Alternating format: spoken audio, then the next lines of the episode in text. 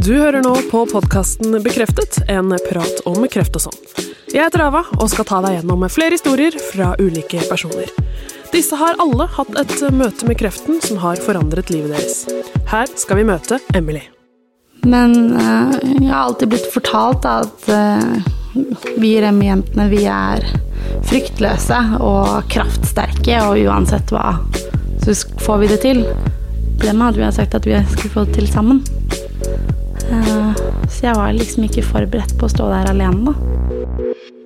I starten av 2020 startet jeg arbeidet med det som skulle bli sesong tre av Bekreftet.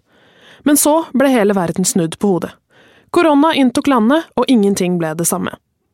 Ikke bare én bølge, men to gjorde at vi med litt kreativt arbeid fikk ferdig denne sesongen.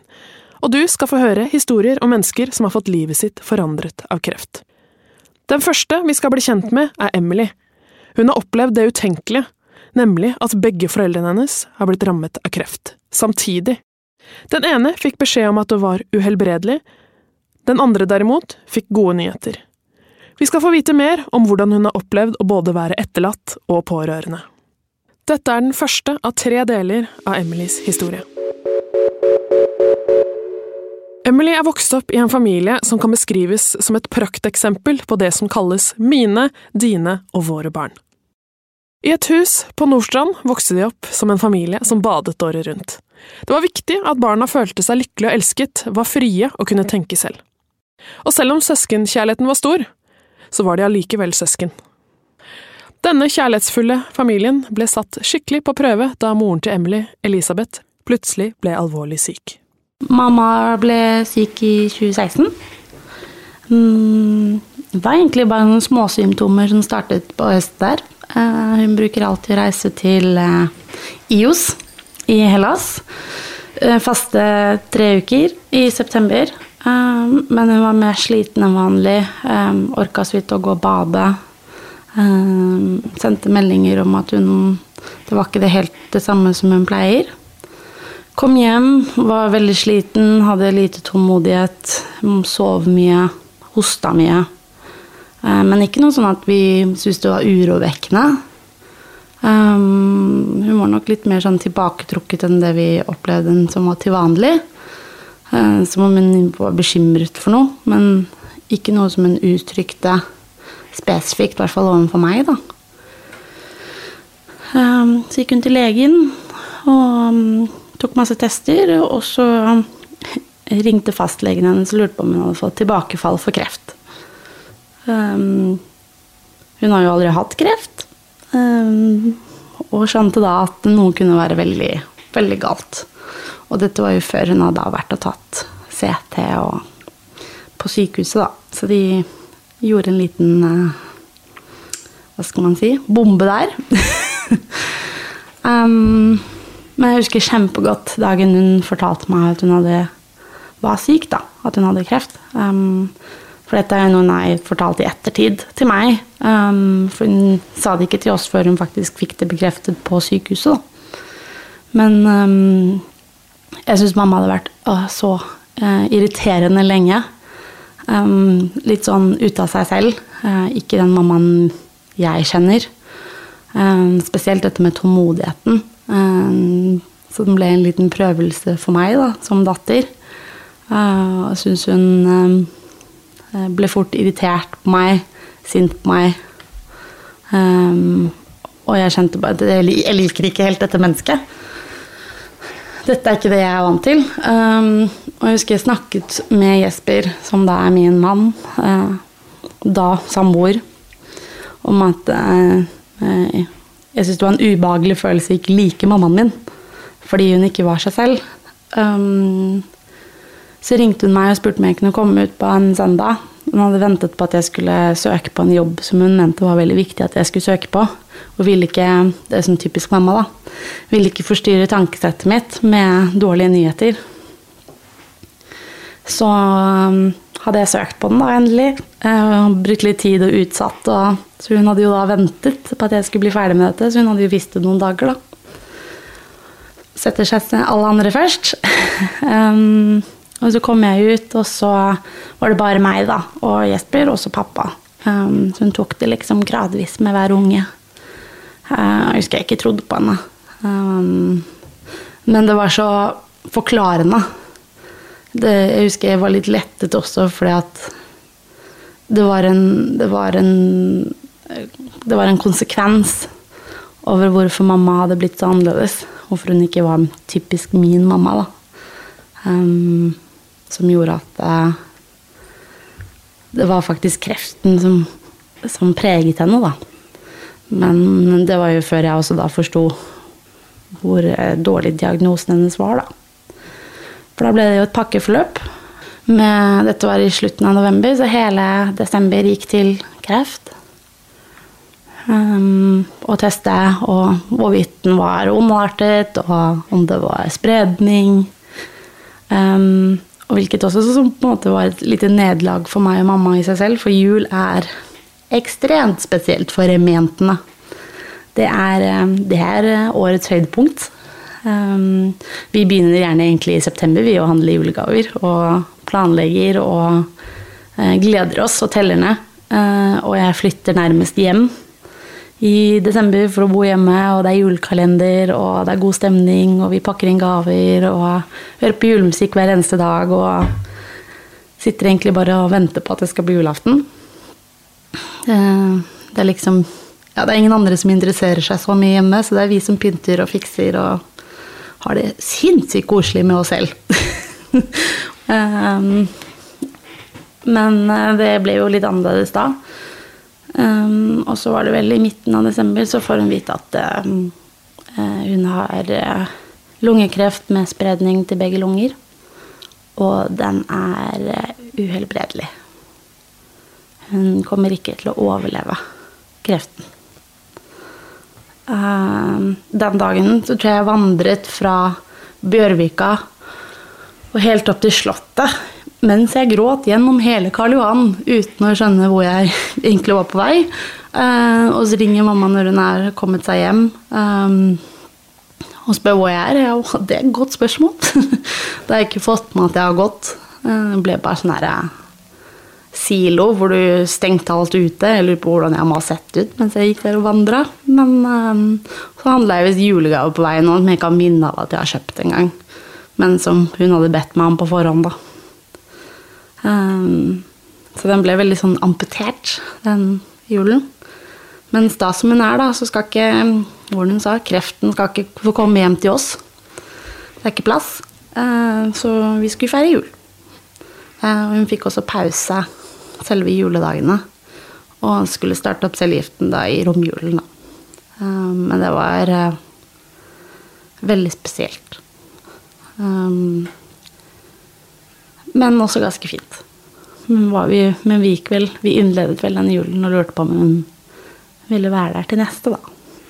Eh, men ja, eh, hun begynner på cellegift. Eh, responderer eh, overraskende bra. De, hun fikk betydelig reduksjon, så det ble hennes nye favorittord. Alt var betydelig bra. Eh, hun var betydelig glad i meg og hun gledet seg betydelig mye til jeg skulle komme hjem. Eller alt var bare betydelig. Det ble hennes nye ord.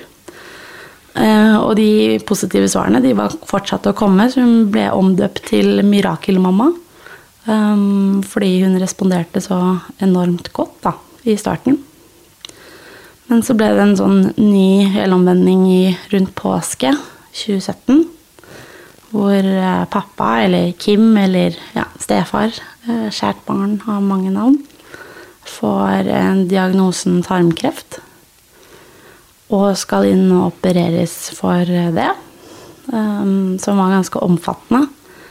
Mens han hadde på en måte en helt annen diagnose. Uh, mye bedre utgangspunkt, men ville vise ten sykere tendenser, da Ehm, fordi at han skulle opereres og sånn sett eh, mer omfattende påkjenning på kroppen eh, mens han står i det, da. Ehm, men det ble jo Det var jo ganske absurd. To kreftsyke hjemme. Det er så vidt plass der til én. Um, så det ble jo Det krevde jo veldig mye hjelp. Mamma hadde sitt, og han hadde sitt. Og Han fikk jo ikke lov å løfte mer enn en melkekartong i, i vekt, så det ble jo meg, Jesper, da, som dro ut hver dag. Og så var jeg vel i en sånn herre ikke, fight mode, eller um, uh, skulle prøve å ta til meg så mye mamma jeg kunne. Så det var uaktuelt ikke se henne hver dag heller, for min egen del. Uh, fordi jeg var usikker på når, hvilken dag som ville bli den siste, da. Så vi var der ute hver dag um, det kommende året. Um, etter operasjonen og uh, utlagt stomi og den opereres tilbake, så har um, han fått spredning til jul. men denne julen, så Da forteller de det ikke. For igjen, da, så skal jo mamma ha julen sin. og de er jo veldig beskyttende overfor oss barn, som barn. Um, og tror at de gjør oss en tjeneste med å prøve å ikke fortelle egentlig hvordan det står til. Da. Så det blir um, Vi går ut og tror de skal skilles, fordi de er så sinte. Uh, mamma er sinna på pappa, men ikke, det er jo egentlig ikke han hun er sinna på, hun er sinna på livet. Uh, og så prøver de å ta seg sammen, og så skal de gjøre det hyggelig, men ingen av oss skjønner hva som foregår, så vi var jo overbevist om at det var skilsmisse på gang, da. Men de gjennomfører den julaften. Mindre hyggelig. Um, det, ble litt sånn opp og ned på humøret hele den kvelden, men eh, det, ja, vi får det gjennomført. Og dagen etterpå så slipper de jo bomben, da, om at han har spredning eh, via blodet til lever. Og begynner du å google statistikker da, så er overlevelsesprosenten enormt lav. Um, og han skal vel sånn statistisk sett ikke overleve omtrent. Um, men uh, altså, han opereres for i hvert fall uh, leverkreft en eller annen gang på nyåret. Jeg husker ikke når. Um, men uh, han får det til, han. Mot de fleste odds. Så sånn sett så går det greit. Det er selvfølgelig ja, opp, ny operasjon inn på sykehuset, belastning hjemme. Han tar, krever veldig mye av både hjelp og eh, oppmerksomhet. Hvilket også som er vanskelig overfor mamma, som faktisk er den med uhelbredelig kreft. Da. Uh, men sånn tilsynelatende ikke syns. Fordi hun, det går så bra med cellegiften i det øyeblikket, så hun har jo dager hvor hun blir dårlig. Men majoriteten av de er jo fine. Men de kommer seg gjennom det her òg. Eh, men så kommer vi til et punkt hvor mamma slutter å respondere på cellegiften. Og vi er over i 2018. Um, og um, hun eh, og jeg drar til Trondheim for å se lillebror spille på Trondheim Calling. Men tåler ikke reisen og kommer hjem med en form for lungebetennelse. Om det er fly, eller om hun var syk på forhånd, eller om det var når vi kom hjem, det vet vi ikke. Men hun blir i hvert fall ordentlig dårlig da i februar 2018. Eh, og hun kommer seg vel egentlig aldri helt. Samtidig som da Uh, pappa holder på med uh, Og fortsatt har uh, går på cellegift og prøver å holde kreften i sjakk. Um, og midt oppi alt det der så finner vi ut at um, Jesper og jeg skal gifte oss. og han fridde julen 2016 etter å spørre mamma om min hånd. Og om det egentlig var passende å fri når vi var midt oppi en kreftdiagnose og alt. Men da var jo hun kjempeopptatt at vi skulle fortsette å leve, da. Så hun prøvde å normalisere livene våre så mye som mulig. Så vi prøver jo også å planlegge et bryllup som vi skal rekke før hun bestemmer seg for å stikke av fra oss. Um, som blir veldig belastende, spesielt når hun blir så dårlig, da. Um, så er det neste at de prøver immunterapi. Um, som hun overhodet ikke responderte på og ble bare ordentlig dårlig av. Og som hun ikke syntes var verdt å presse seg gjennom, da. Det er jo den balansen med å finne ut om det forlenger livet, men òg gir livskvalitet, da. Uh, og det hadde hun ikke når hun gikk på immunterapi. Og det var jo det gylne gullkortet vi trodde Uansett hva som skjer, så har vi det i baklomma, da. Um, til en sånn regnværsdag. Men uh, det funket ikke. Um, så prøvde de å stråle, um, som også gjorde enormt vondt og på Preget veldig spiserøret, så hun sluttet å spise. og uh, i juli 2018 så havnet hun på sykehuset etter å bli funnet livløs hjemme, da. Uh, og da var det vel egentlig sånn vi skjønte at vi var eller vi, vi, sier at vi skjønte at vi var på vei inn mot en, en slutt, men jeg, jeg, var ikke med på den selv. Uh, men det er sånn vi prater om, da. I, spesielt i ettertid. Og ser tilbake på det. Men um, igjen så tror jeg mamma skjermet meg for veldig mye. Selv om jeg var kanskje den av ungene som var mest til stede hjemme. Fordi jeg var der hver dag. Uh, men om jeg ikke ville se, eller om jeg ikke klarte å se, eller om hun var sykt god på å lyve. Jeg vet ikke. Sikkert en kombinasjon. Um, så var, jeg var veldig på å avlyse bryllupet som skulle være i august. Um, Syntes det var upassende. Jeg var veldig sliten av å prøve å planlegge og være glad samtidig som jeg var så sinnssykt redd for at hun ikke skulle være her lenger. Um, jeg syntes det var helt håpløst at hun ville fortsatt gjennomføre. Um, og det er jo litt sånn for meg Hvis man skal sette til side det å, å skal gifte seg, så skal jo det være hyggelig. Uh, men det er liksom så store motsatser som dere foregikk i livet. da. Både den der store lykkefølelsen av å skulle få gifte seg med denne ubrukelige svensken som alle skal ha det til. uh, og er skuffet over at det ble en svenske, men uh, det ble i hvert fall en riktig svenske til at man er redd for at mamma skal dø, da. Um, men um, hun får hjelp av legene og sier at hun skal gi det bryllupet uansett hva som skjer. Så, og det klarte hun. Det, um, hun fikk vilja si, hun. Uh, men det er ikke sånn at man tør å det var, Er det en gang hun bruker kreftkortet, da, så er det at 'jeg har kreft, jeg skal i bryllup'. um, så um, fikk vi i hvert fall fullført eller gjennomført, eller ja, feiret det. Um, hun fulgte meg opp alteret. Og uh, jeg tror noen ganger hun skulle ønske at det var hun selv som skulle gifte seg, for hun syntes det bare var så gyselig kjekt med en fest.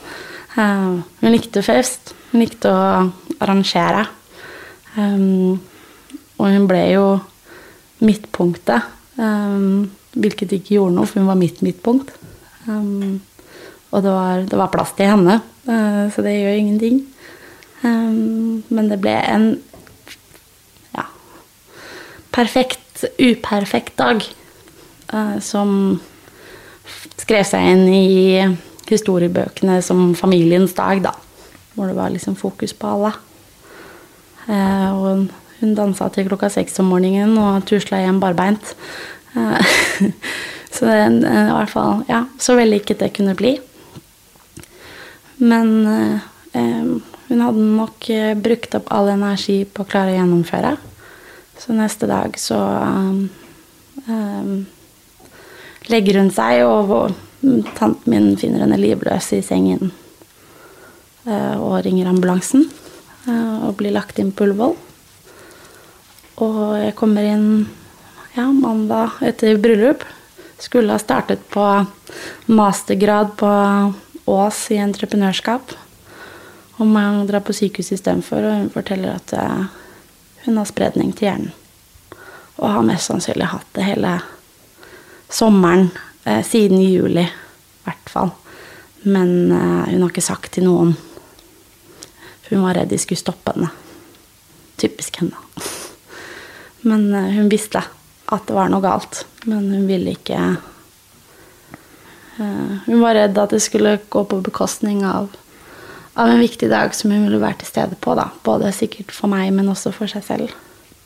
Hun blir vel egentlig værende på sykehus til september. mm, i fire uker, eh, for hun har fått en infeksjon i fingeren um, i tillegg. De prøver å stråle hodet og få kontroll på denne infeksjonen. Og um, er ikke veldig lik mamma. Um, det er jo uh, Spredning til hjernen gjør veldig mye med hodet ditt. Um, så hun får veldig mange andre nye fakter. Uh, og uh, noen sider blir forsterket, og noen, noen nye sider vi ikke har sett før. Hun drev og stjal Kos sjokoladepudding på sykehuset og satte den i sitt eh, private kjøleskap på rommet, så hun hadde noe å servere gjestene sine. Hun mente at eh, det var mye hyggeligere at gjestene fikk det, enn pasientene. um, og sørget for å ha PM, ja, Pepsi Max. Så det var veldig viktig å være vertinne selv på sykehuset. Um, men uh, nei, så får hun lov å komme hjem i midten av september. Og så får hun fire uker hjemme før hun dør. Um, og i den perioden der så har jeg sagt opp studieplassen min, jobben min, for å være eh, hjemmeværende sykepleier for mamma. Fordi vi ikke syns, eller hun syns ikke hjemmesykepleieren var eh, opp til forventningene. Og det gjorde ikke vi heller, for så vidt. Det fungerte ikke i det hele tatt. Kom nye hver dag og hadde ikke kontroll på pillene hennes. Og hun syntes det var ubehagelig å måtte forklare historien sin hver dag på nytt når hun var sliten. Og var egentlig tryggest på eh, både meg og pappa og, og eh, tanten min, eh, hennes bestevenn Elisabeth. Mammaen til Emily hadde bestemt seg for at hun ville dø hjemme. Hun hadde aldri likt sykehus. Man blir sykere av å være på sykehus, mente hun. Men på tross av det er det tydelig at hun var en dame som gjorde sterkt inntrykk på omverdenen. Sykepleierne som var der, kjente henne godt, og da hun kom, så fikk hun alltid en Pepsi Max med sugerør, og de snudde senga så den var vendt mot utsikten, ikke vekk fra vinduet, og enerom, og de, var, de kranglet nesten om å ha henne fordi hun var så sinnssykt positiv.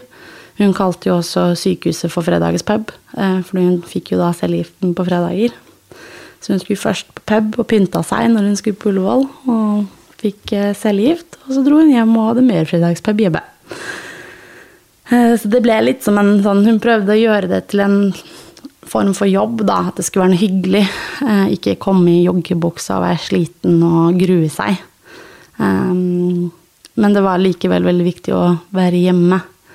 Hun har bodd samme plass i ja, i hvert fall hele mitt liv, da. Eh, i 30 år. Og bor ved sjøen. Og liker å eh, bade hele året rundt. Som var kjempeviktig for henne. Um, å få gjennom, fortsette å gjennomføre, da. At man skulle ha noen av disse lyspunktene i hverdagen som ble viktig å gjennomføre, da. Også for å ha noen form for livskvalitet, tenker jeg. Så hun vil liksom ikke dø rundt noe som er veldig sterilt og upersonlig, og hun ville være hjemme. Um, og da ble det mest naturlig at det jeg som skulle være hjemme med henne. Det var det eller leie inn en sykepleier. Um, og jeg ville jo selvfølgelig være med mamma så mye som mulig, og hun var komfortabel med meg. Hun er jo også sånn som ber meg komme og vaske før vaskehjelpen kommer. Så det liksom Jeg hadde vel måttet gjøre det med sykepleier nå, da, så det Um, det var liksom greit. Så vi drev og avlasta hverandre og hadde det egentlig Fant en fin rytme på hvordan det skulle fungere.